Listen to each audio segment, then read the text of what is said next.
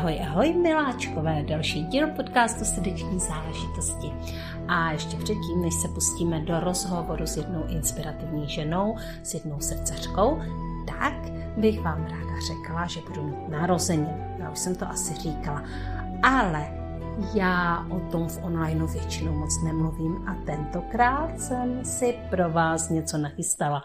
Rozhodla jsem se tuhle skutečnost změnit. Ne to, že budu mít narozeniny, ale to, jak to onlineově pojmu a že tentokrát nebudu nic tajit, žádný výročí. Takže Sledujte můj profil v neděli odpoledne a v neděli večer, protože se dozvíte víc. A ty narozeniny, no ty jsou až 18. Takže určitě se to bude vztahovat k tomuto datu. Mějte se krásně a užijte si rozhovor.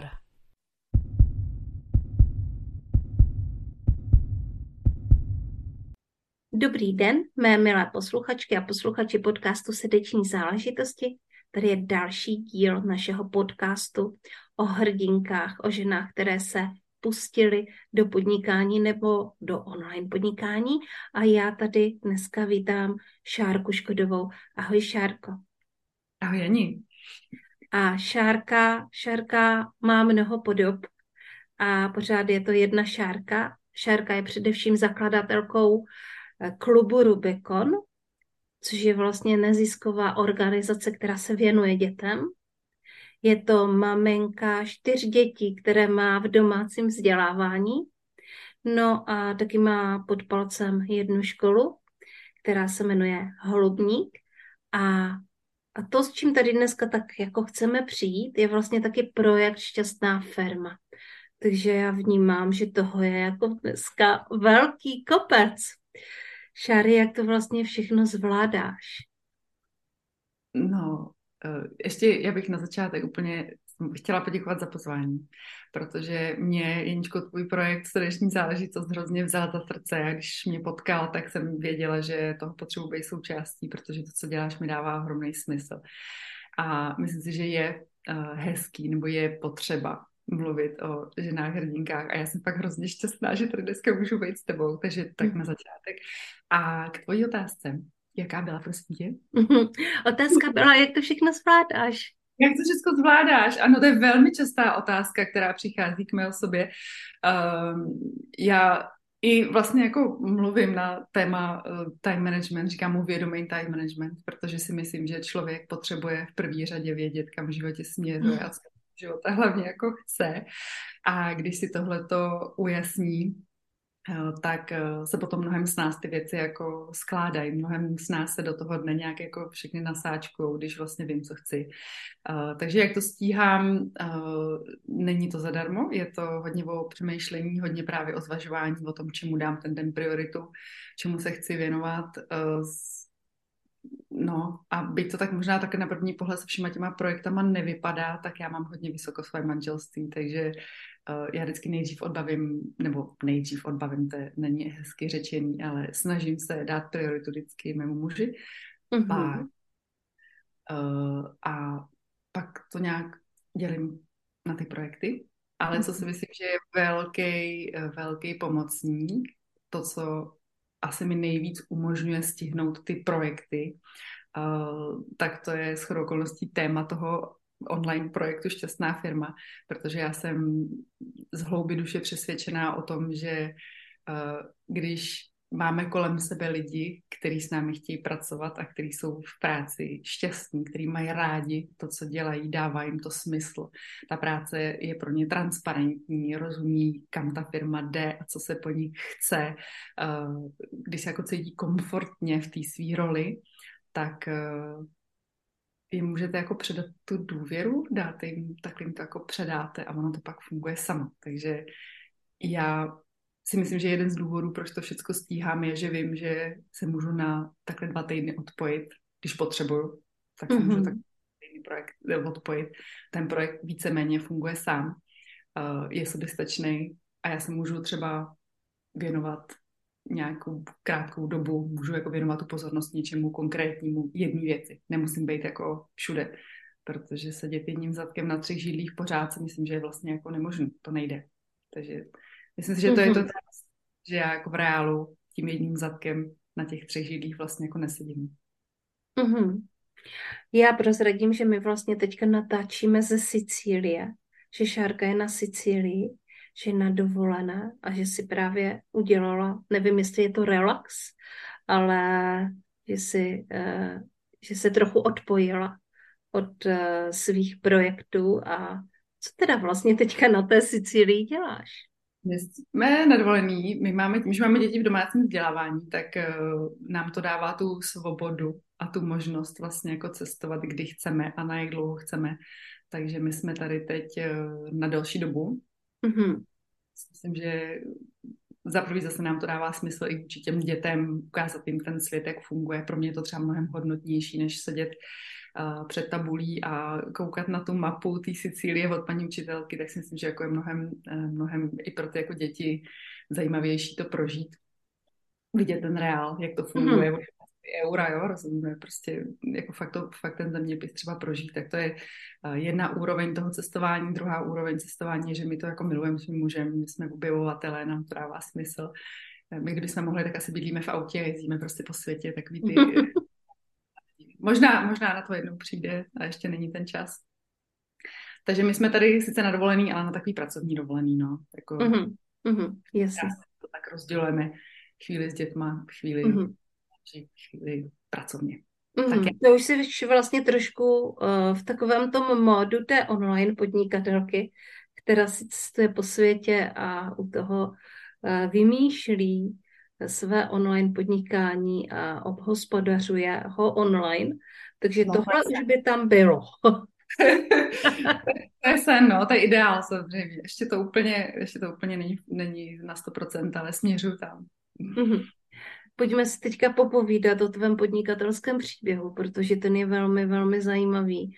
Uh, já jenom zmíním, že Šárka byla v roce 2014 podnikatelkou uh, roku za plzeňský kraj a, a sama mi prozradila, že u toho vlastně měla tři malinké děti. Uh, takže pojďme si povídat o tom, kde to začalo, jak to začalo, proč to začalo, co se vlastně stalo, že, že jsi šla do toho hrdinství být podnikatelkou? Uh, no, já jsem vlastně, ať jsem dělala jakoukoliv práci, ať jsem přišla do jakéhokoliv zaměstnání, tak jsem se vždycky uh, dostala na pozici nějakého vedoucího. Já hrozně nemám ráda slovo manažer, ale bohužel, nebo nějak, ještě jsem nepřišla na nějaký hezký český ekvivalent, který by mi jako ladil, takže na, prostě na vedoucí pozici. Dostala jsem se na pozici, kde jsem vedla lidi a uh, vlastně, když jsem šla na mateřskou, tak jsem byla ředitelkou jedné menší IT firmy v Plzni. A já když jsem šla na tu mateřskou, tak jsem věděla, že tam nechci vrátit. Jo. Pro mě to byla byť jako si myslím, že mám jako hodně zkušeností s vedení lidí, tak vést uh, firmu 30 chlapů pro mě bylo jako velká zkušenost, jako velká životní zkušenost. A já když jsem šla na mateřku, tak jsem viděla, že se nechci vrátit, že to jako není, není to můj směr. Začala jsem vymýšlet, co bych mohla, co bych mohla při mateřský. Mm-hmm. A nějak mě potkalo právě Play Wisely, což je uh, za mě úplně fakt jako fantastická metoda z Ameriky, kterou založila paní jako američanka a ona pracuje s dětma od miminka, fakt jako od miminka, ale takovou mm-hmm. jako krásnou, krásnou hravou formou, uh, nic násilného, což se mnou jako hrozně rezonuje.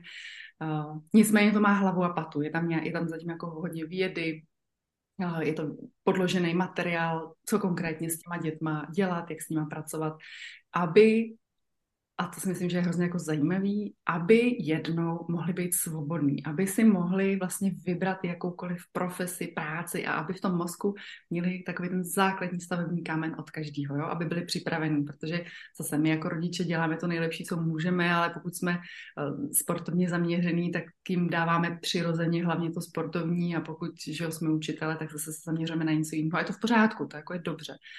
Nicméně to Play Wisely vlastně dává těm dětem základní kámen jako od každého. A mi to šlo jako skvělý, že to je přece jako báječný a jim chci dát to nejlepší, aby až jednou právě vyrostou, tak aby si mohli říct, já chci být tohle a měli tam, byli jako připravení, jo, jenom prostě vzali také to nářadíčko a mě byli připraveni. tak to mě hrozně okouzlilo. Hrozně mě to oslovilo, zapadalo to nějakého moje jako cítění a věděla jsem, že jako chci. No a vzniklo to tak, že já jsem chtěla chodit s tím svým synem a zjistila jsem, že v Plzni to není. Tak Aha. už jsem si říkala, tak dobře, tak asi hele, to nějak zapadá. Uh, takže jsem si otevřela vlastně uh, klub Rubikon v Plzni. No a tak to začalo. No. Tak to začalo, začaly, bylo to docela náročné v tom, že jakmile přijdeš s něčím novým, tak musíš nejdřív dělat osvětu, aby si lidi přesvědčila, že eh, je to vlastně jako dobrý, že to dává smysl.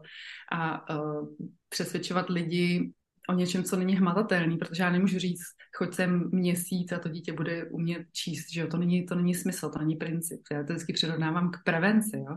My vlastně, když dbáš o spíš zdraví a staráš se o sebe preventivně, tak taky nemůžeš říct, ne, nevidíš za týden, že to jako mělo nějaký dopad. Vidíš to třeba potom zpětně, že jsou všichni pořád kolem tebe nemocní a ty nejsi. A s tím tím je to hodně podobný. Jo? Až za nějaký dva, tři roky se teprve třeba ukáže, že ty děti fakt jsou vývojově třeba jako jinde, nebo mm-hmm. jsou nějaký určitý výhody, dej jim líp čtení mm-hmm. třeba, protože mají základ. Takže vůbec jako přesvědčit ty lidi, že to má smysl, bylo takový jako náročnější, no ale zvládli jsme to, podařilo se nám to, já jsem na to byla hrozně pišná, klienti chodili, No a pak mě úplně, mě, já mám pocit, že se mi v životě dějou takové jako náhody, jo. Já moc na náhody nevěřím, ale tak přišla ke mně takováhle náhoda, že uh, hele, nějaký jako živnostní kroku. Uh, tak mi přišlo fajn se přihlásit, no. Tak jsem tam, ale to bylo takový jenom jako, hele, dáme lidem vědět, že co děláme. No a o tom, že jsem se dostala do mezi s projektem Play Wisely, že jsem se dostala mezi deset nejlepších, my vlastně zavolali do porodnice. Já jsem byla mm se třetím synem v porodnici, který se narodil trošku dřív, takže jsme tam pobejvali a tam jsem se dozvěděla, že jsem byla teda vybraná mezi deset nejlepších a nakonec jsem to celý vyhrála za plzeňský kraj, no, bylo to jako skvělý. Mm-hmm. to... Celou tou dobou, jak skvělý to je.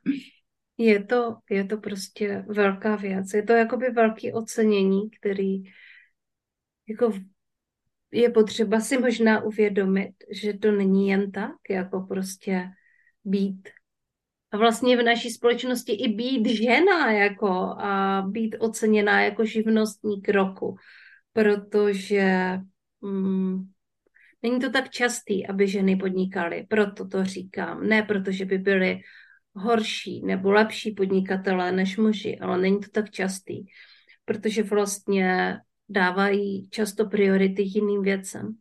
A ty si vlastně říkala, že stejně ty priority, jako máš hodně na té rodině a díky tomu se vlastně i tvé podnikání věnuje, věnuje dětem, věnuje prostě rodině. Hmm, máš eh, čtyři děti v domácím vzdělávání a, a, a zároveň vedeš dva týmy.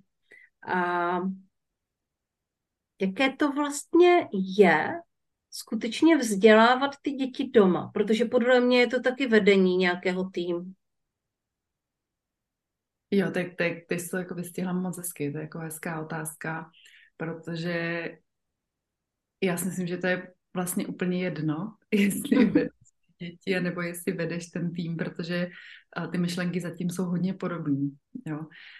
Já teď možná trošku odbočím od těch dětí, ale mm, přijde mi jako hezký příklad. Mně se třeba opravdu jako přichází ke mně často otázka, jak motivovat lidi v týmu. Jo? Mm-hmm.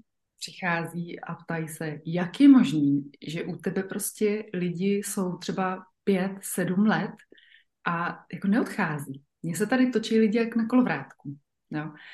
A mm-hmm já si myslím, že to je přesně jak s těma dětma, akorát my k dospělým nebo v tom týmu to jako nedokážeme asi tak jako vnímat, nebo nepřijde nám to tak jako přímý, ale podle mě ta podstata je úplně stejná. Vy jen ne... ono to možná bezní divně, ale já si myslím, že lidi motivovat nejde. Jako ve své podstatě nejde, jo? Nikdo externě mě nemůže motivovat, abych já něco dělala ráda srdcem, aby mě to jako bavilo, aby mě to zajímalo. Ty lidi mm-hmm. To je přesný sami mhm. sebe. Jo? Musí motivovat sami sebe. Musí tam někde najít, vyštráchnout uvnitř sami sebe, proč tam jsou, proč to dělají, proč by chtěli věnovat energii tomu projektu nebo tomu tématu, jo? proč by ho chtěli rozvíjet. A jediný, co ty můžeš udělat jako lídr, je opečovat to prostředí tak, aby tam těm lidem bylo dobře aby tam byli šťastní, aby věděli, proč tam jsou, aby věděli, že jsou vyslyšení, aby věděli, že jsou funkční procesy, že můžou tady od, odtať sem můžou pracovat a tady už zase začíná někdo jiný.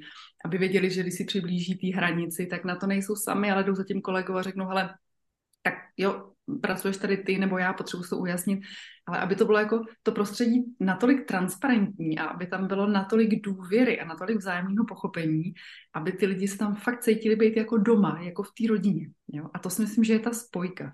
Eh, já ty děti vlastně jako, samozřejmě my se snažíme, protože to máme v sobě hodně jako zakotvený a za to, jo, my se snažíme nějakým způsobem motivovat a přesvědčit, že tohle je dobrý a hele, tohle to by si měl, jo. Ale vlastně jako vidí, že ono to stejně moc funkční není, že nakonec mm-hmm. děti se nejvíc naučí, uh, když chytnou tu motivaci, jo. Takže největší práce je právě s tím uh, třeba s těma dětma hodně mluvit, pořád tím jako vysvětlovat, ne teď sedím nad matikou nebo teď sedím nad zeměpisem, ale hele, jsme tady, koukáme na, jsme loni byli v Řecku, to, jako, tam to bylo nádherný, tam těch památek spousta. A my jsme tam jako s nima prožívali ty Atény a ty bohy a tam je to zajímavé. Tam to najednou bylo, my jsme na to sáhli, zajímalo, je to fakt jako, tam jsme viděli tu motivaci toho se to jako naučit. A do dneška si pamatuju spousta detailů o fakt jako různých obozích a čeho to byly vozy a podobně. Takže já si myslím, že motivace, no. Je to jako... Tak. Ano, motivace. Uh, myslím si, že tohle jsem poprvé slyšela kdysi v jednom podcastu, který vedla moje uh, koučovací škola Život jako hra kde, mm, kde se právě mluvilo o tom, že eh, lidi jako není možné motivovat, že, že jako ta motivace vychází jakoby zevnitř. A ty vlastně to rozvíjíš ještě uh, o kus dál, že lidi sice není možné motivovat, ale že je možné je podpořit, co se týče toho prostředí. A mm, když to vztáhneme třeba na ty zaměstnance, tak uh, jako co u tebe vlastně ti lidé, kteří spolupracují s tebou, mají navíc? Nebo co, jakým způsobem vlastně pracuješ s tím prostředím, jo? Kdybychom mohli teďka třeba vypíchnout pár věcí, které jsou jakoby důležitý a mohli by inspirovat jiný lidi, kteří budují své týmy, a mají své proč, ale ne, nechtějí být na, ně, na to proč sami, a chtějí spolupracovat, tak co je jakoby, kde se začíná? Krásná otázka. Uh, i já si myslím, že to, co mají lidi u mě jako navíc, uh, je, že ví, že můžou můžou vlastně, nechci říct cokoliv, no, jakoby samozřejmě v nějakých hranicích, jo, se v nějakých mm-hmm. hranicích, ale můžou cokoliv můžou přijít a můžou říct, takovýhle mám nápad, nebo tohle se mi nelíbí, uh, ví, že je vyslechnou, ví, že můžou takhle přijít i za jinýma kolegama, což si myslím, že jako je velmi vzácný a ne, uh, jako je potřeba na tom pracovat, to se určitě nestane ze dne na den. Mm-hmm. Vybudu věru v to, že ty lidi fakt ví, že můžou. Uh, to, že jsme v těch týmech už si nastavili takový prostředí, kdy v podstatě chybu nepovažujeme za chybu, kdy si uvědomujeme, že uh, jo, poznáváme se průběžně natolik důkladně a natolik dlouho, že už si dokážeme říct, uh, on mi to nedělá schválně, on má prostě talent třeba jako jinde a já mu nerozumím. Jo? To, že nejsme kompatibilní, nebo to, že nejsme stejný, je výhoda. Uh, jo? Není, Kdyby jsme byli všichni stejní, tak naplníme 10% nějakého pohárku, ale tím, že jsme každý jiný, tak právě do toho projektu přinás, přinášíme to, tu individualitu, to něco nového a tím se doplňujeme, což je ale teda náročnější potom na komunikaci. Ale myslím si, že moje týmy už to mají fakt jako hezky, no máme to v týmech hezky zařízený, že dokážeme si říct, teď mě naštval, ale rozumím, že to nebylo schválně, jo? že ti prostě třeba jenom nerozumím to, jak eh, si se zachoval, ale vím, že uvědomujeme si všichni, že všichni děláme to nejlepší, co umíme v tu danou chvíli.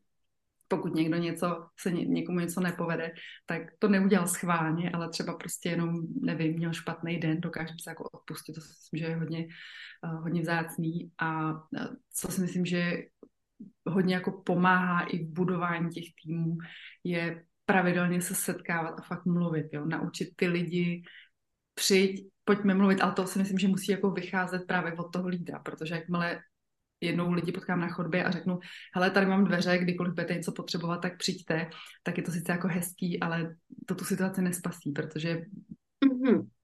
nemám to procento v hlavě, ale velká většina z nich nepřijde, jo, protože máme v týmu introverty, máme v týmu lidi, kteří mm-hmm zase, zase si myslím, že si neseme spoustu jako dětských takových různých traumíček, jo, přece někoho nebudu otravovat s tím, že já něco neumím, nebo že se mi něco nepovedlo, mm. jo, nebo že se lidi bojí si přijít o pomoc. Jo, říct, vlastně jako říct, nebo vůbec jako přiznat třeba chybu, hele, tohle se mi nepovedlo a já bych hrozně jako chtěl to teďka jako narovnat. Takže myslím si, že zase od lídra musí být uh, ta chuť, ta touha otevřít to prostředí, pravidelně se setkávat, i kdyby jsme tam čtyřikrát na sebe jenom jako koukali a bavili se o počasí venku, tak ale na popátý třeba podchytíme to, jo, něco se tady děje, nebo jak bych ti mohl pomoct. Jo? Já si myslím, že tým lídr je člověk, který odstraňuje překážky v práci, ale my ty překážky musíme jako zjistit, jo? A musí tam mm-hmm.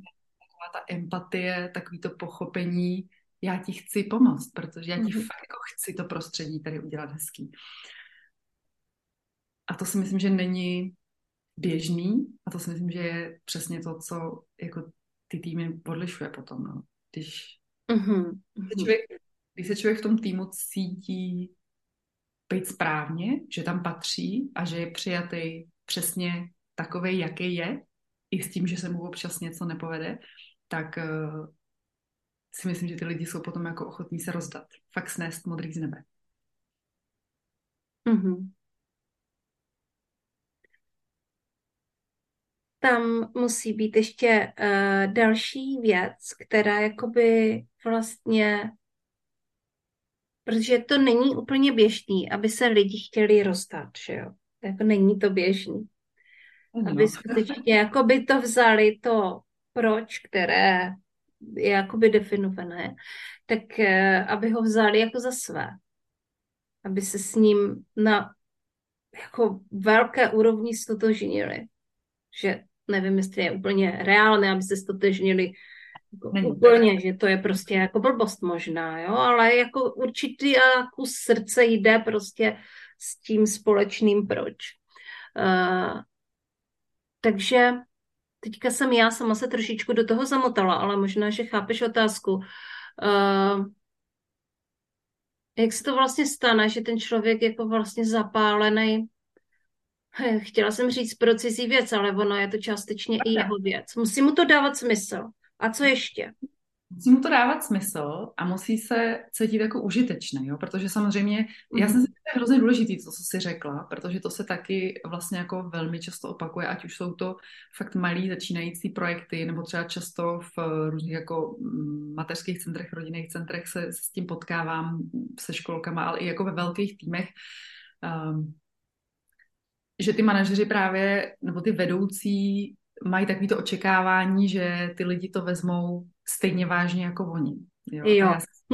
Není možný, jo. Pojďme se prostě jako zakladatelé, ředitelé, lídři smířit tím, že ty, eh, že to je naše.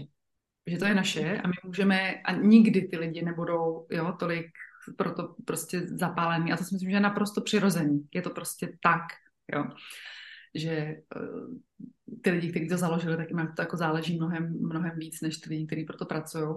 Takže to bych vzala jako fakt. Nicméně eh, ty lidi potřebují podle mě se cítit jako uh, potřebný nebo rozvíjet se nebo ukázat, že umí něco v té svý části, jo? v tom svém kousku, že opravdu jsou uh, nepostradatelnou součástí toho týmu, což já si myslím, že tak jako je. Jo? Já uh, třeba um, konkrétně teda v, v Rubikonu, kde pracujeme s dětma. Já si myslím, že můj talent je práce s lidma, dokážu vytvořit mhm. prostředí, mm-hmm. dobře, ale já vím, že nejsem dobrá lektorka. Já kdybych tam jo, seděla s těma dětma reálně každý den, tak druhý den jsem tak unavená, že týden spím.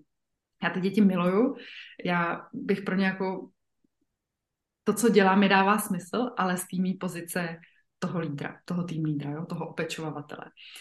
A myslím si, že dávám prostor těm lektorkám, aby oni se cítili být v tomhletom ano, tohle je moje, moje parketa a já jsem naprosto opravdu jako nepostradatelnou součástí toho soukolí. Jo? A já když o něčem rozhodujeme, tak rozhodujeme společně, protože já nejsem ten, kdo tam je. Já nejsem ten, kdo s těma dětma reálně pracuje. Já nemůžu říct, ale kup si tady tu pomůcku a nekupuj si tuhletu, protože já tam s tou pomůckou pracovat nebudu. Jo?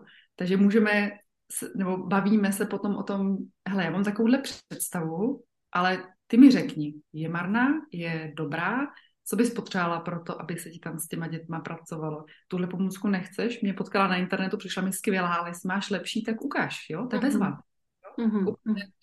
Která to by dává smysl, protože a to si myslím, že to jsou právě ty to jsou ty věci, to je ono, to je ono prostě. Jo? Jak to má... jsou takové ty malé věci, ono se to tak jako kdyby doplňuje. Prostě ve chvíli, když dám jakoby na úhel pohledu na, nebo na názor někoho, o kom si myslím, že, že je vlastně odborník na tu věc a dám vlastně mm, jeho názoru přednost, tak toho člověka uh, ocením a jemu se zároveň jako lépe pracuje, protože má to, co zná a to, co ví, že je dobrý.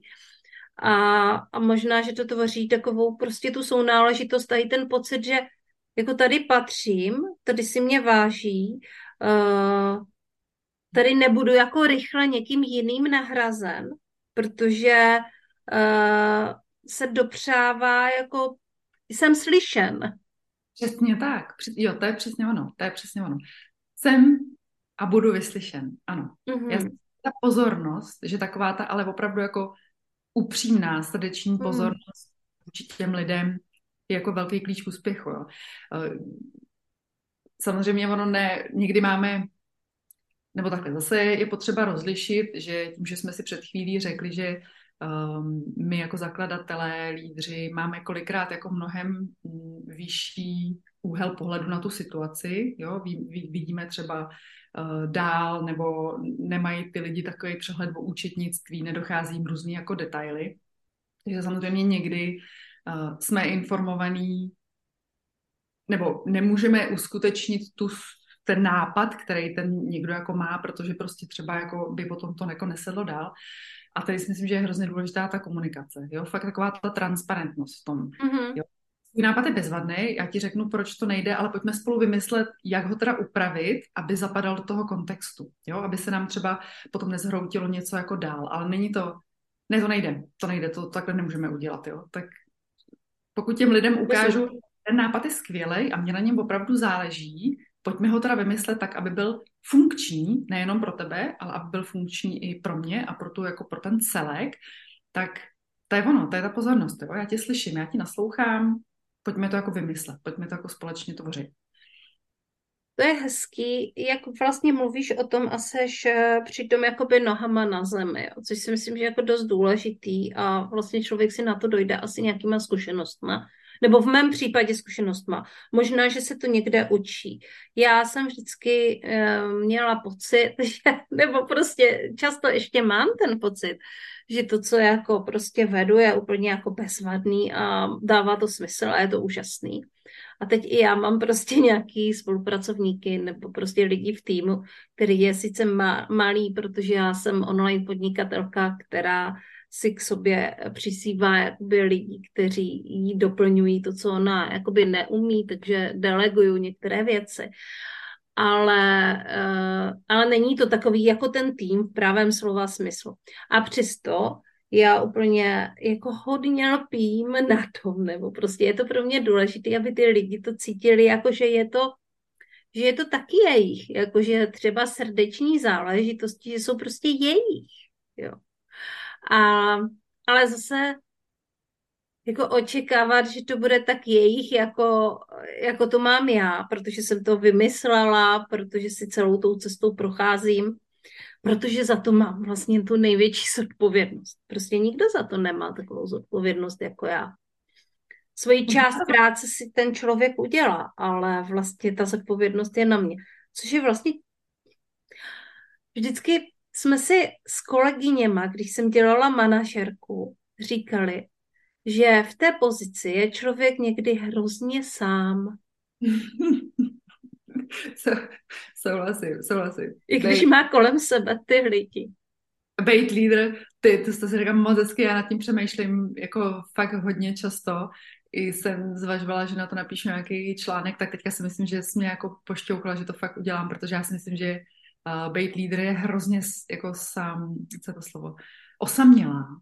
Být lídr je hrozně jako osamělá činnost. Mě to Pro... úplně vehnalo slzy do očí. Mně se teďka hodně často stává, že jako ve svých vlastních podcastech pláču, protože se dojímá jako s těma lidma, ale jako, jako eh, docela mě ta myšlenka je mi eh, blízká a vlastně jsem ji prožila někde, a takže mě to trochu dojalo, tak pardon.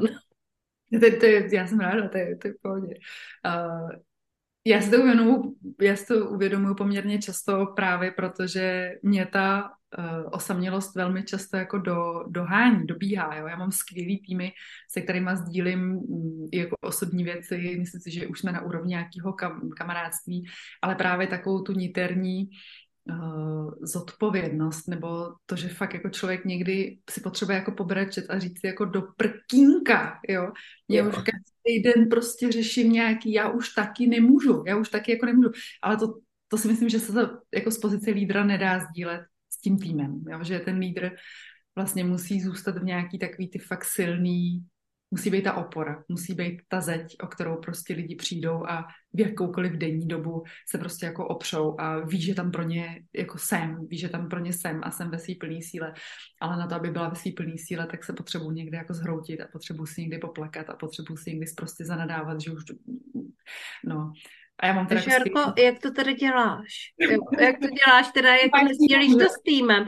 Ale tak s kým to sdílíš? Protože já, lídr asi jako tohle potřebuje nějakou tu vrbu. Já to sdílím, já to sdílím se svým mužem, sice většinou pak radšíme ještě víc, protože uh, on je štír a má takovou jako skvělou schopnost tím štírským ocáskem vždycky dobnout přesně do toho místečka, který mm-hmm. jako ale možná, že to je ten úlevný proces, že opravdu jako podchytí takový to, že, že mi řekne, když je to vlastně úplně zbytečný, když je to jako maličkost, tak prostě jako takhle. No tak mě v tu chvíli to samozřejmě nepřijde jako maličkost, já se potřebuji zhroutit, ale možná, že mě to tím jako zase rychle posune. Myslím si, že čím víckrát, a nemyslím si, že se dostanu do stavu, kdy se nebudu hroutit, to si rozhodně nemyslím, ale myslím si, že rychlejš a rychlejš mi jde si se z toho jako poklepat a říct si, no a co, po co jako jde, jo, i když je nějaká mm-hmm, krize.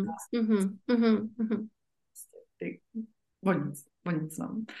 Já nevím, někde, jsem, někde mě potkalo, že je taková uh, terapeutická otázka, co nejhoršího se stane. Ano, je. mě hrozně jako pomáhá. Jo. Když mám fakt pocit, že, a, že jo, ještě ženská cykličnost, když se to jako sejde a mám pocit, že je všechno úplně jako prdeli, já nevím, jak je to s prostýma slovama v tomhle podcastu, ale já to tak Je to v pohodě. Když, je, když mám jako pocit, že jsem úplně v prdeli, tak uh, no, tak si jako řeknu, jako co nejhoršího se stane. No. A většinou sama sobě odpovím vůbec nic. vůbec mm-hmm, mm-hmm, mm-hmm. Stane se to, že no tak to zavřu, nebo víš, jakože i si dovolit takový ty úplně vyslovit ty nejčernější scénáře. Třeba když byl covid, tak jako když máš, když máš klub pro děti a dají ti jako lockdown, tak jako co naděláš? A že jsme neziskovka, která nebere žádný dotace, tak my jsme neměli jako nároky na žádný náhrady, jako na nic, jo, fakt na nic. A to jsem se teda hroutila často a pak jsem si řekla, jako co se stane nejhoršího, no tak to zavřu. Dělala jsem kolik, deset let to nejlepšího, co jsem uměla, no tak to zavřu. Jako fakt se nestane vlastně jako, přežiju to, přežiju. Bude mi líto těch dětí? Bude, ale no takový je život prostě. A to mi hrozně mm-hmm. co nejhorší co stane. Většinou jako dojdu k tomu, že mně vlastně teďka běží kampaň na, na to, jak dělat úspěšný podcast. A, a říkám to proto, že vlastně v určitou chvíli podcast srdeční záležitosti byl spoplatněn a ta cena jeho stále roste. A, mm, a já jsem to neudělala vlastně úplně, jako prostě na začátku jsem tolik nepřemýšlela o tom, že by to měl být uh, jakoby finančně nějak jako výhodný projekt. Ale já jsem v určitou chvíli si musela jakoby položit taky tu otázku, jako jestli do toho ještě budu dávat energii, a nebo uh, jestli to zavřu. Hmm. A, a jediný východisko bylo, jako, že, to, že to bude jako za peníze, jo. A taky jsem si vlastně pokládala tuhle otázku, no tak co, tak pokud to ty lidi jako nebudou chtít, tak to znamená, že to není životoschopné. A a pokud to ten není životoschopné a já tady jako dělám něco, co je jako vlastně jakoby jenom tak jako, abych něco dělala, něco jako umělého, tak eh, tak to je dobře, že to vlastně jako odejde. Tak co nejhoršího se může stát, že odejde něco, co vlastně není životoschopné a já budu moct dělat něco, co je životoschopné. Takže potom z toho jako prostě vyjde často takový jako světlo na konci tunelu. A ono se ukázalo, že je to jako velmi životoschopné, takže ta uh, otázka je taková, taková očistná. Je, je, souhlasím. A já třeba tohle jak jsem říkala, já vedu občas semináře na téma vědomý time management, kde právě většinou k mě chodí teda maminky, buď to pracující mamky, nebo, ale jsem jako dělala vědomý time management pro firmní zaměstnance v jedné poměrně jako velké IT firmě. A tyhle ty otázky si právě jako pokládáme, jo? protože jako ten, jako zabýváme se tím, kam ten náš čas reálně plyne.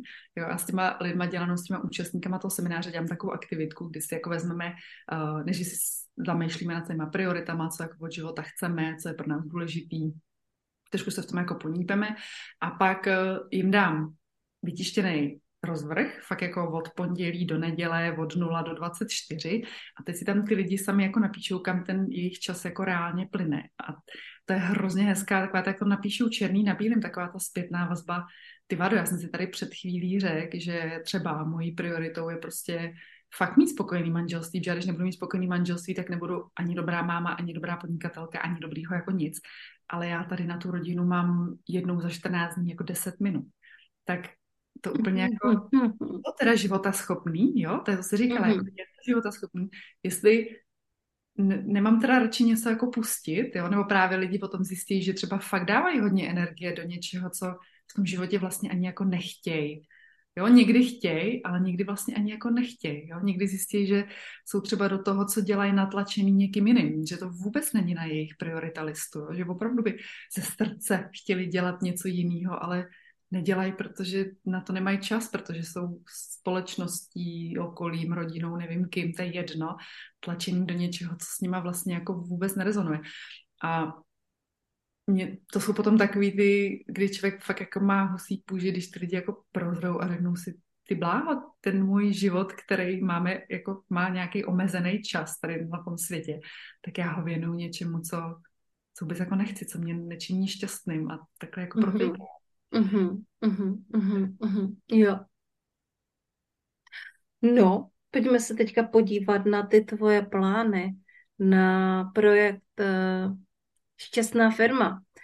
Uh, už tím, co jsme tady sdíleli, tak je to jako hodně, hodně zajímavý, protože kdo podniká, tak se velmi často dostane k tomu, že, že má nějaký tým, že má nějaké spolupracovníky, protože podnikat sám je nejenom jakoby smutný, ale taky často jako neúplně zvladatelný. Zvlášť, když my ženy máme prostě rodiny, a, a který, kterým chceme dávat tu prioritu, tak je to, tak je to prostě hodně často o nějakém týmu. A v tu chvíli, když máme tým, tak už často býváme nejenom solista podnikatel, ale firma. Hmm. A Šťastná firma je projekt, který se Šárka chystá rozvíjet. Tak, eh, tak pojď, povídej. No, já to, já to právě vnímám a vlastně to, co mě jako navedlo tady na tu myšlenku, eh, ty svoje zkušenosti, znalosti, jako to, co si myslím, že fakt jako je funkční, ne, já si to nemyslím, já to vím, že to je funkční, protože to jako denně zažívám ty situace, tak eh, ten důvod, proč jsem se rozhodla to sdílet, je právě ten, že mám kolem sebe spoustu žen, který začaly dělat třeba nějakou kreativní činnost. A přesně jak říkáš, se jako dostali k tomu, že najednou se jim začalo dařit, začali uh, delegovat, ale tím pádem se vyskytli v té pozici toho tým lídra a zjistili, že vlastně moc jako neví, že to, to není úplně jako samozřejmý vést lidi, že je potřeba se o ně trošku starat, protože právě jinak jako takhle protečou tou firmou a akorát nám berou čas. A uh, no, že vlastně jako že to není úplně přirozený. Já to třeba přirozeně mám, takže to vnímám jako velký dar, ale zároveň je těžký si uvědomit, že to tak třeba někdo nemá. A ty ženy, které mě začaly právě jako oslovovat s těma úplně nevinnýma otázkami, hele, jako jak, jak to děláš, jako jak, jak vůbec to, to jako zařídíš, že ten tým je nějaká pospolita, nějaký celek, který jako funguje, tak mě dovede tady k té myšlence vlastně jako sdílet, jak vůbec se do toho třeba pustit. A nejenom u těle těch žen tvořilek, ze kterých se najednou staly jako lídrně, ale já si třeba myslím, že i tady v tom online podnikání, kdy má člověk jako k sobě dva externisty, že už vlastně jako je to tým. Ano. a dá se s tím pracovat, dá se s tím pracovat uh, ve smyslu, buď to vemu část té práce, která mi nejde a tu deleguju, ten někdo to dělá za mě a jako takhle mu to odevzdám, jasně, snažím se, aby to bylo jeho, aby se jako cítil být, ale nechám to takhle jako na něm a nebo s tím externistou dál můžu jako pracovat. Můžu se s ním třeba nevím co, jednou za měsíc sejít a zeptat se ho, hele, co myslíš, že bychom ještě mohli, jak bychom to jako vylepšili, co bys jako navrhoval. Jo? A to si myslím, že je přesně, jak jsme se bavili, bavili před chvílí, je ten moment, kdy já ukážu, že mě zajímá ten jeho názor, protože on je ten odborník. Já jsem to delegovala, protože já to neumím, nebo nechci, nebo mám pocit, že on bude lepší než já. A tím pádem mě jako zajímá jeho názor. Jo? Takže ať už je to, ať už je to webař nebo virtuální asistentka, to je jedno, tak si s ním prostě, ale tady bych zdůraznila pravidelnost, fakt jako pravidelně si myslím, že je mm. hrozně člověkem třeba dát nějaký Zoom, fakt online meeting a jenom se zeptat, ale jak ti to funguje, co bys ode mě potřebovala, nemůžeme to udělat nějak jako efektivnější, jo? Nebo uh, ča- velmi často říkám, co tě otravuje, to si žádá tvoji pozornost, jo? Pokud se opakuje nějaká situace mezi mnou a mhm. asistentkou, se opakuje situace, kdy mě lidi opakovaně něco jako píšou a já to třeba nech, už řeším jako po desátý, tak tam je vždycky prostor pro to zlepšení, jo? ale zase je podle mě hrozně jako fajn přizvat k tomu ty lidi, kteří jsou v tom jako za uh, Ježíš, teď mi bylo český slovo zainvolvovaný, jo? já to nesnáším tady ty počeštělý výrazy. Mm-hmm. Angažování, což je taky jako... Angažování, přesně tak. Jo? Takže zeptám se jich, to je ta práce s těma lidma. Je úplně jedno, že nás dělí půl republiky. Prostě si zavoláme a já tomu člověku dám tu pozornost. Já se z té virtuální asistentky zeptám, tak co bys, co bys navrhovala, jak bychom to posunuli. A to je podle mě to něco, kdy já to dávám těm lidem, že mě záleží na jejich názoru, záleží mi na tom, jak oni by to navrhli, jak oni by to chtěli. A když ta myšlenka na to zlepšení přijde od nich, tak to je přesně podle mě to, jak to tvoříme, že to jako je jejich. Oni to pak přijdou mm-hmm. zase to byla přece moje myšlenka. A já ji tady teď opečovávám. A já jsem tady v této firmě zařídila, že nám tohle to funguje. A teď je to jako moje, teď se o to jako budu starat. To zní jo. zajímavě. Začala jsem si to okamžitě jakoby skládat na situaci srdečních záležitostí. Tak já to tady jakoby trochu nazdílím. Jo? Hmm. Takže a nechám vás nahlédnout vlastně do kuchyně srdečních záležitostí. Což je samozřejmě jako zácná chvilka. Tak eh, všichni vědí, že já mám virtuální asistentku Veroniku, která se stará o spoustu, spoustu věcí. Tak pojďme si říct, o co všechno se stará Veronika a tím taky děkuju mé virtuální asistentce, která je fakt jako úžasná. Veronika uh, se stará o technickou práci v rámci podcastu, takže já podcasty natáčím uh, s hosty a Veronika potom podcast stříhá a dokonce ten zvuk upravuje a potom ho dává vlastně na portál Audiolibrixu.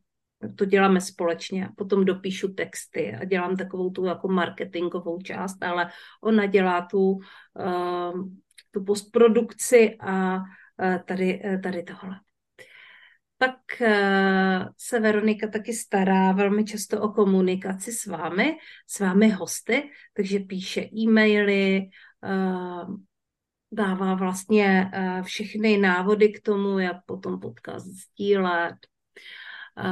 A taky už jsem jí dokonce předala i to, že, že vlastně s váma zařizuje fakturaci. Uh, tak to je jako obrovská, obrovská část. Pak tady máme uh, srdeční záležitosti, samozřejmě jsou součást mých webových stránek, tak máme tady webařku. Uh, mám uh, webařku Báru a webařka Bára se vlastně stará o můj web. S tou se nevídáme tak často a je to prostě sice pozice pro mě jako podnikatelku velmi důležitá, nicméně co se, co se týče podcastu, srdeční záležitosti, tak zas až tak moc ne. A pak tady máme Tamaru Kuchařovou, která se mi občas stará o reklamu. A Bára se taky stará teda o grafiku, takže pokud jste viděli jako naše logo a viděli jste, jak vypadají prostě naše vizuály, které všude sdílíme, tak eh, tohle je výsledek vlastně uh, Bářiny, uh, Bářiny práce. A Tamara uh, se stará o propagaci, teda o reklamu a reklamu většinou míváme jenom na placené produkty. No a přemýšlím nad tím, tak tady mám ještě fotografku a ta se taky stará vlastně uh, o některé věci, ale spíš o moje podnikání. A tohle je můj tým. Uh, takže vidíme, že prostě největší důraz je tam vlastně na moji virtuální asistentku a na mě. Jsme prostě my dvě, jsme prostě uh, ty, co dělají jako skutečně srdeční záležitosti.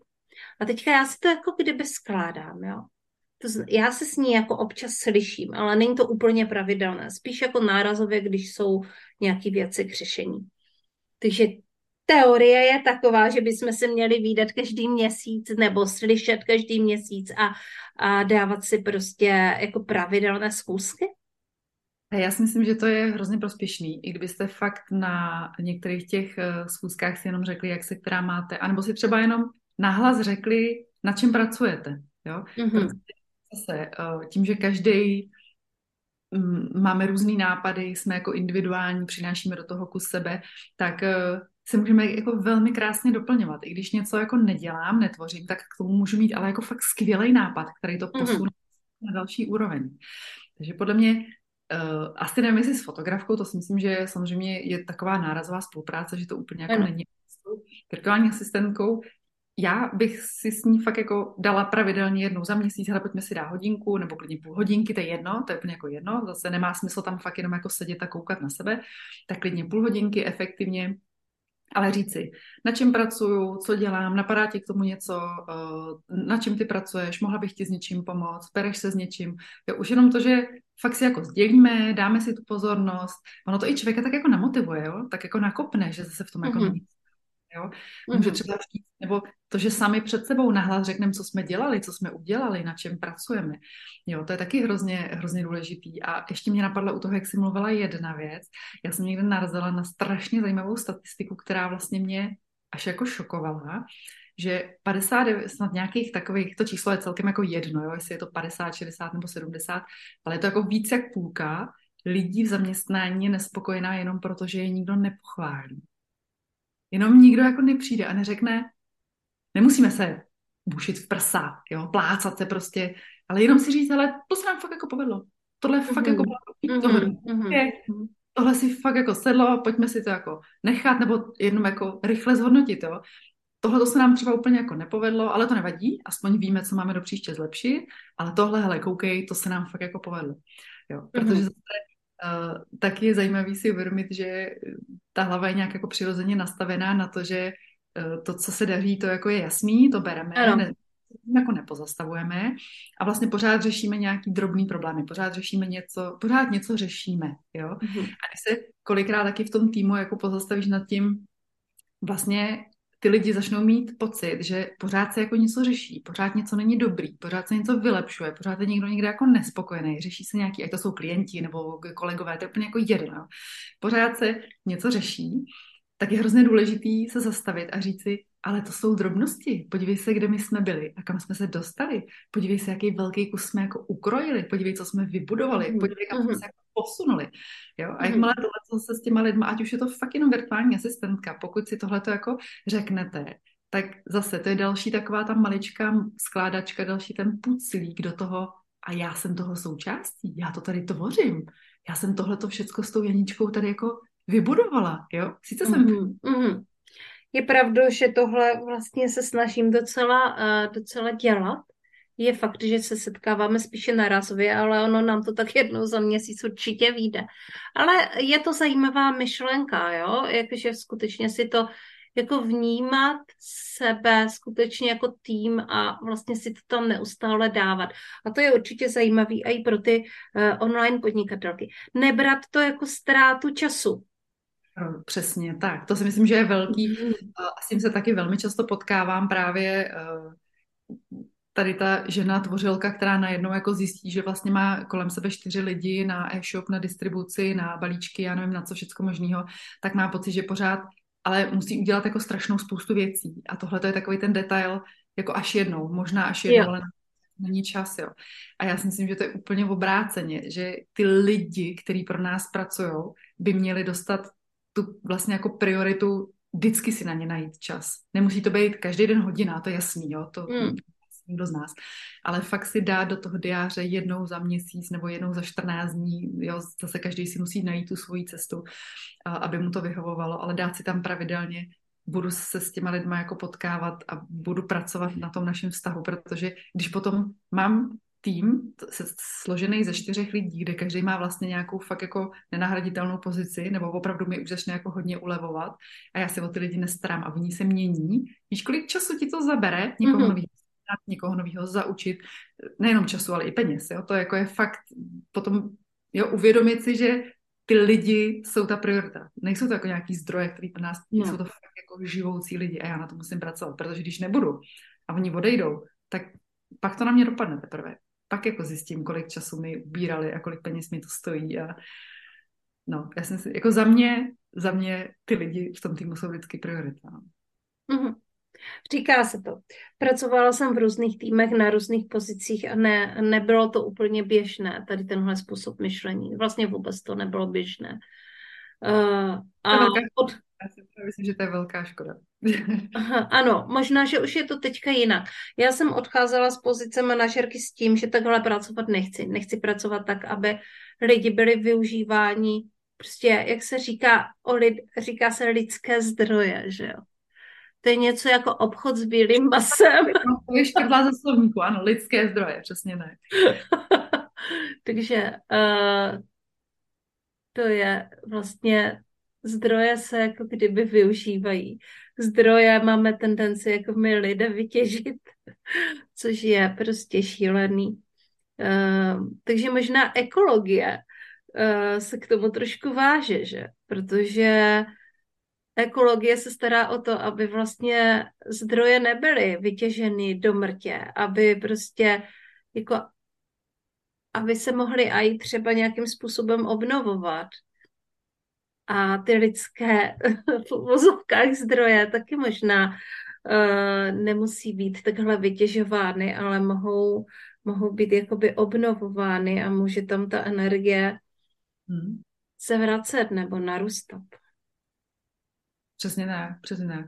A myslím si, že když jako právě dáme lidem tu důvěru, tu zodpovědnost a oni jako ucítí, že můžou vlastně jako růst sami jako lidi, jo, Mhm. můžou sami sebe posouvat někam, v čem jim dává smysl, v čem je ten jejich talent, v čem se cítí jako dobře, můžou sami růst, třeba na té naší platform, platformě nebo v tom našem jako prostředí, který zase my tvoříme jako ty zakladatele, tak uh, potom opravdu jako za sebe dají maximum. Potom opravdu jako snesou modrý z nebe. Se vrátíme tady kruhem tam, kde jsme Mhm. začali.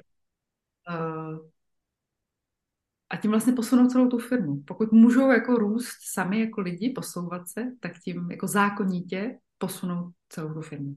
Mhm. To je krásné. Hm. Kdy to spustíš, Šárko? No, ono to tak nějak jako běží, já už webové stránky eh, mám, mám Facebook, Instagram, ale přiznám se, že jsem zatím hodně opatrná, hodně jako vždycky ještě přemýšlím, potřebovala bych se dostat do toho módu, kdy myslím si, že mám jako hodně co předat, tak až to tam prostě začnu valit, ale, ale no, jsem v začátcích, ale už jako je možný mě, mě potkat i na Instagramu Šťastná firma, i na Facebooku, uh, i na webových stránkách, webové stránky www.sarkaskorová.cz, tak uh, mm-hmm. Dobře, to je jsem... fajn, že tě máme kde potkat a mm, co si od tebe můžeme koupit? Uh, zatím já mám dva e-booky, který dávám zadarmo, je to takový uh, začátek toho, co si myslím, že prostě chci dát fakt celému světu. Je tam právě uh, v tom jednom, uh, jak se zbavit části pracovních povinností efektivně v pěti krocích, tak tam se snažím právě lidi, který, nebo ženy, hlavně teda publikum ženy, podnikatelky, kdy se dostanou do momentu, kdy mají pocit, že je toho na ně hrozně hodně, tak jak si vlastně mm-hmm ulevit, jak si ulehčit. Pracuji tam i s nějakýma těma prvkama toho vědomího time managementu, to znamená, co chci odložit, co můžu odložit, mm-hmm. pracovní listy, kdy se snažím toho tu ženu může, to jedno, kdo si to stáhne, snažím jako provést tím uvědoměním nějakým, co si jako chci ponechat, co, co by bylo lepší delegovat, plus nějaký jako úplně fakt začátky delegování. A pak jsem napsala ještě jeden e-book, který taky zdarma, zatím teda uh, jmenuje se 11 triků uh, úspěšný týmový komunikace, protože si myslím, že jsem velmi zdatný, zdatný lidský komunikátor, že se jako vždycky dostaneme, do, do, dokážeme, dokážu se s tím někým dostat v té komunikaci tam, kam potřebuju, bez nějakého tlaku, hádání, bez, prostě fakt jako hezky. Takže tam se snažila přidat nějaký základní triky. No a uh, co je možné si koupit, tak to je uh, knížka. Napsala jsem uh, šest, a teď mi úplně vypadlo, jak se to jmenuje, šest triků úspěšného, prostě vás naučím, jak být dobrý lídr. Jsou na to, je na to šest, uh, nebo Sepsala jsem šest takových základních kroků. Jedna z nich je právě třeba to pravidelné setkávání, kdy v té knižce popisuju konkrétně, uh, popisuju konkrétně, jak na to, na co si dát třeba pozor, čeho se vyvarovat, mm-hmm nějakou časovou náročnost, zase snažím se lidi motivovat k tomu, nebo ty lídry motivovat k tomu, aby, jako, že to není nic, co jim sebere fakt většinu dne, je to koncipované jako práce na půl roku, kdy to zabere třeba hodinu, hodinu každý měsíc, fakt se to jako dá a myslím si, že to jako vystřelí tu spolupráci na úplně jako jinou úroveň v té v komunikaci i vůbec jako právě tady v tom zjistit třeba, co ty lidi motivuje, co bychom jim mohli, kde bychom mohli dát důvěru a i se tam, i se tam zmiňuji právě třeba o tom, že je fakt potřeba si jasně nastavit ty hranice, odkať, pokať ty zodpovědnosti. Mm-hmm. Je fakt jako, kde můžou, jo, s tím mm-hmm. taky často, že lidi vlastně jako neví, co můžou vůbec v té firmě. Když jsou dva, tak je to takový jednodušší, ale když je těch lidí potom sedm, tak uh, fakt si jako vyjasnit, prostě ty zodpovědnosti. Kdo co jako má za co zodpovědnost a co ještě můžu a co už třeba dělá někdo jiný. Takže takový nějaký základní, základní typy uh, práce s týmem, aby ta spolupráce byla příjemná a úspěšná. Mm-hmm.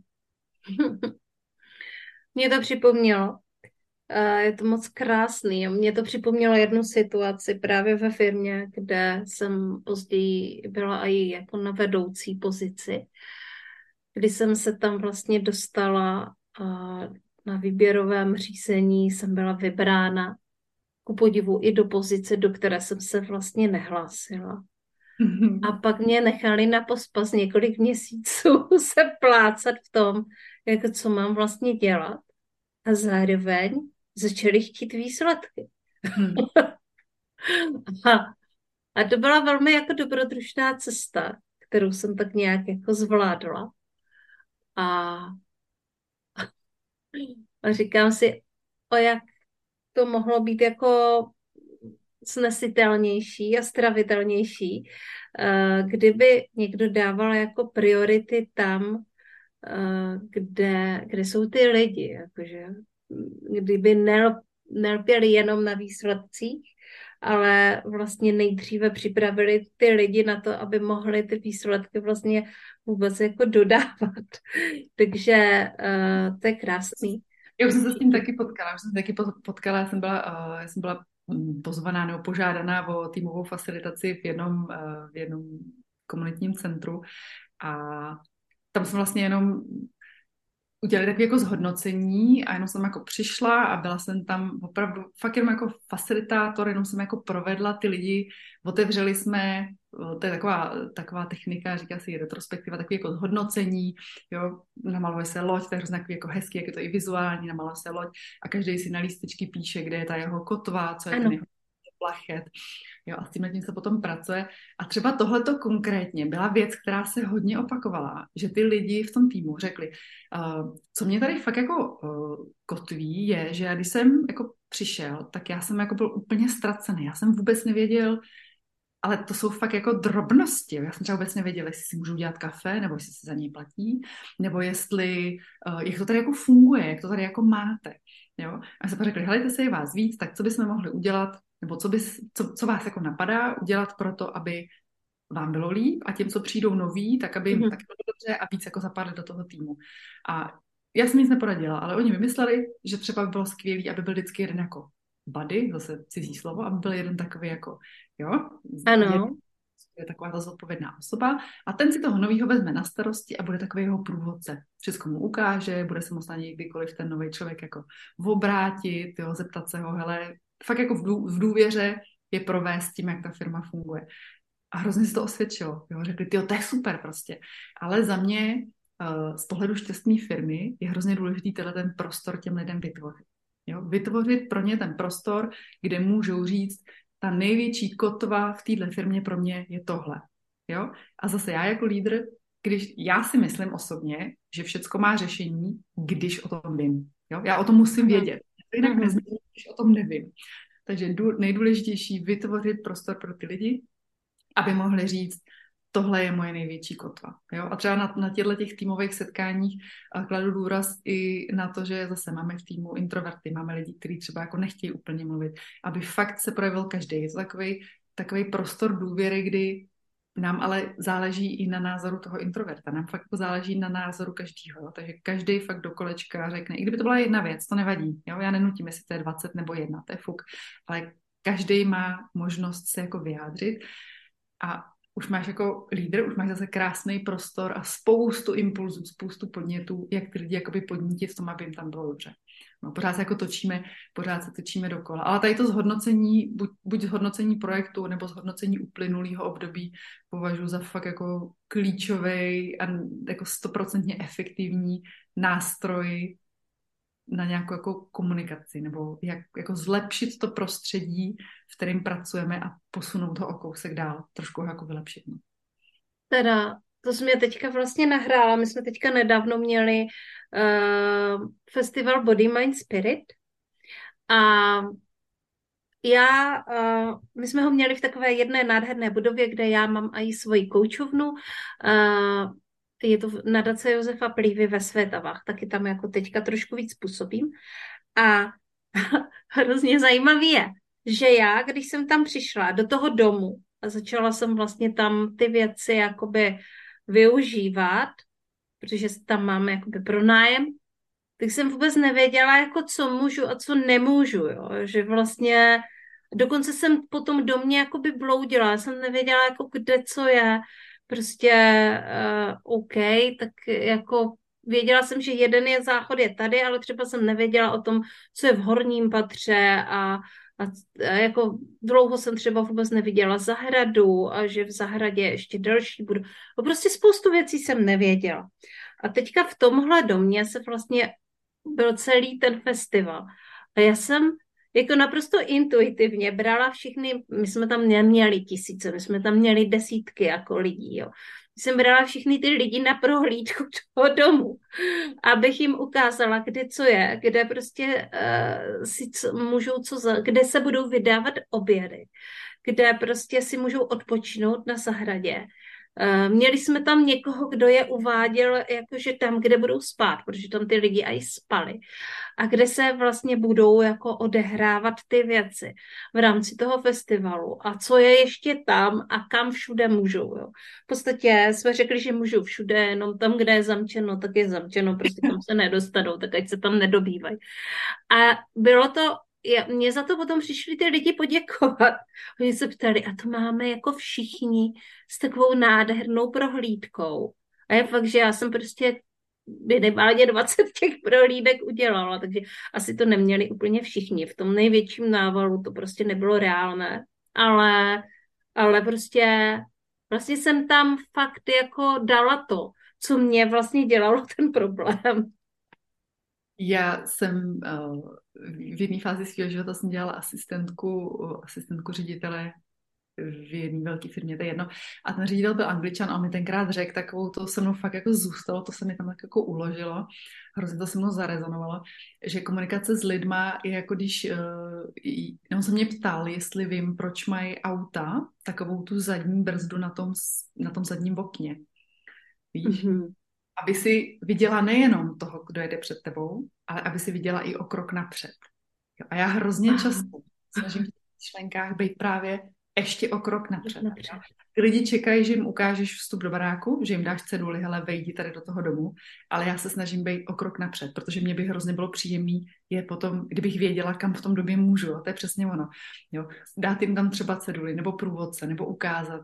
A já si myslím, že zase, zase se vracíme k tomu, že uh, práce s lidma to jsou takové jako nuance, jo? to jsou takové jako drobné věci, kdy ty jim fakt dáš ten detail, hele, mně jako záleží na tom, aby se tady cítil dobře. Mně záleží na tom, aby si si odnes tady z toho, eh, tady z toho našeho bytí jako dobrý pocit, protože pokud ty tady jsi tady se mnou, já nevím, dva dny a z toho jeden den budeš řešit se skříženýma nohama, kam můžeš jít na záchod, tak jaký bude ten celkový dojem z toho, jo? Budeš se tady cítit mm-hmm. Mm-hmm.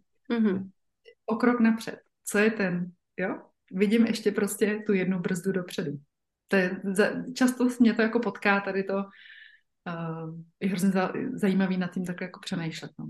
Mm-hmm. Děkuju. Šárko, pojďme si říct, co ještě nebylo řečeno. Něco, co prostě by chtělo být řečeno. Já si myslím, že to nejpodstatnější řečený bylo. Mm-hmm. Uh, jediná věc, která mě možná napadá úplně závěrem, uh, taky hodně často ke mně chodí od lidí, já nemůžu být lídr, já neumím být lídr, mm-hmm. já dokážu být lídr. A já jsem někde četla hrozně krásný jako citát, který se mě taky jako hluboce dotknul. Lidi se nerodí jako lídři, ani se jim nestávají lídři, se rozhodují být lídry. A to si myslím, že je hrozně jako uh, důležitý si uvědomit, že pokud nám záleží a pokud chceme, tak ať už s pomocí nebo s poznáním nějakých eh, správných nástrojů, funkčních nástrojů, že jako každý z nás, z vás se může rozhodnout být dobrý lídr. Mm-hmm. Mm-hmm. Tak já to tady nechám tak trošku jako dosnít, protože s tím jako hluboce souzním. A necháme to skutečně jako poslední myšlenku tohoto podcastu. Já ti moc krát děkuji, že jsi přišla, posvítila nám trochu na lídrovství, na to, že firmy mohou být šťastné a přeju ti, aby se ti dařilo s tímhle tématem, které je tolik potřebné. Janí, já děkuji tobě za pozvání, za možnost, za krásný, hluboký otázky, za otevření tématu, který je možná ještě někde trošku tabu. A já doufám, že, že nebude, protože mm-hmm. vidím tu sílu. Mm-hmm. Děkuji. Tak a mějte se krásně i vy, mé milé posluchačky a posluchači podcastu Srdeční záležitosti. Tohle byla Šárka Škodová se svým tématem Šťastná firma a se svým životním a podnikatelským příběhem. A příště si budeme povídat zase s další hrdinkou inspirující ženou, která vzala zodpovědnost do svých rukou a všechnu odvahu, co měla a šla do toho za svou srdeční záležitostí. Tak ahoj. Ahoj, mějte se krásně.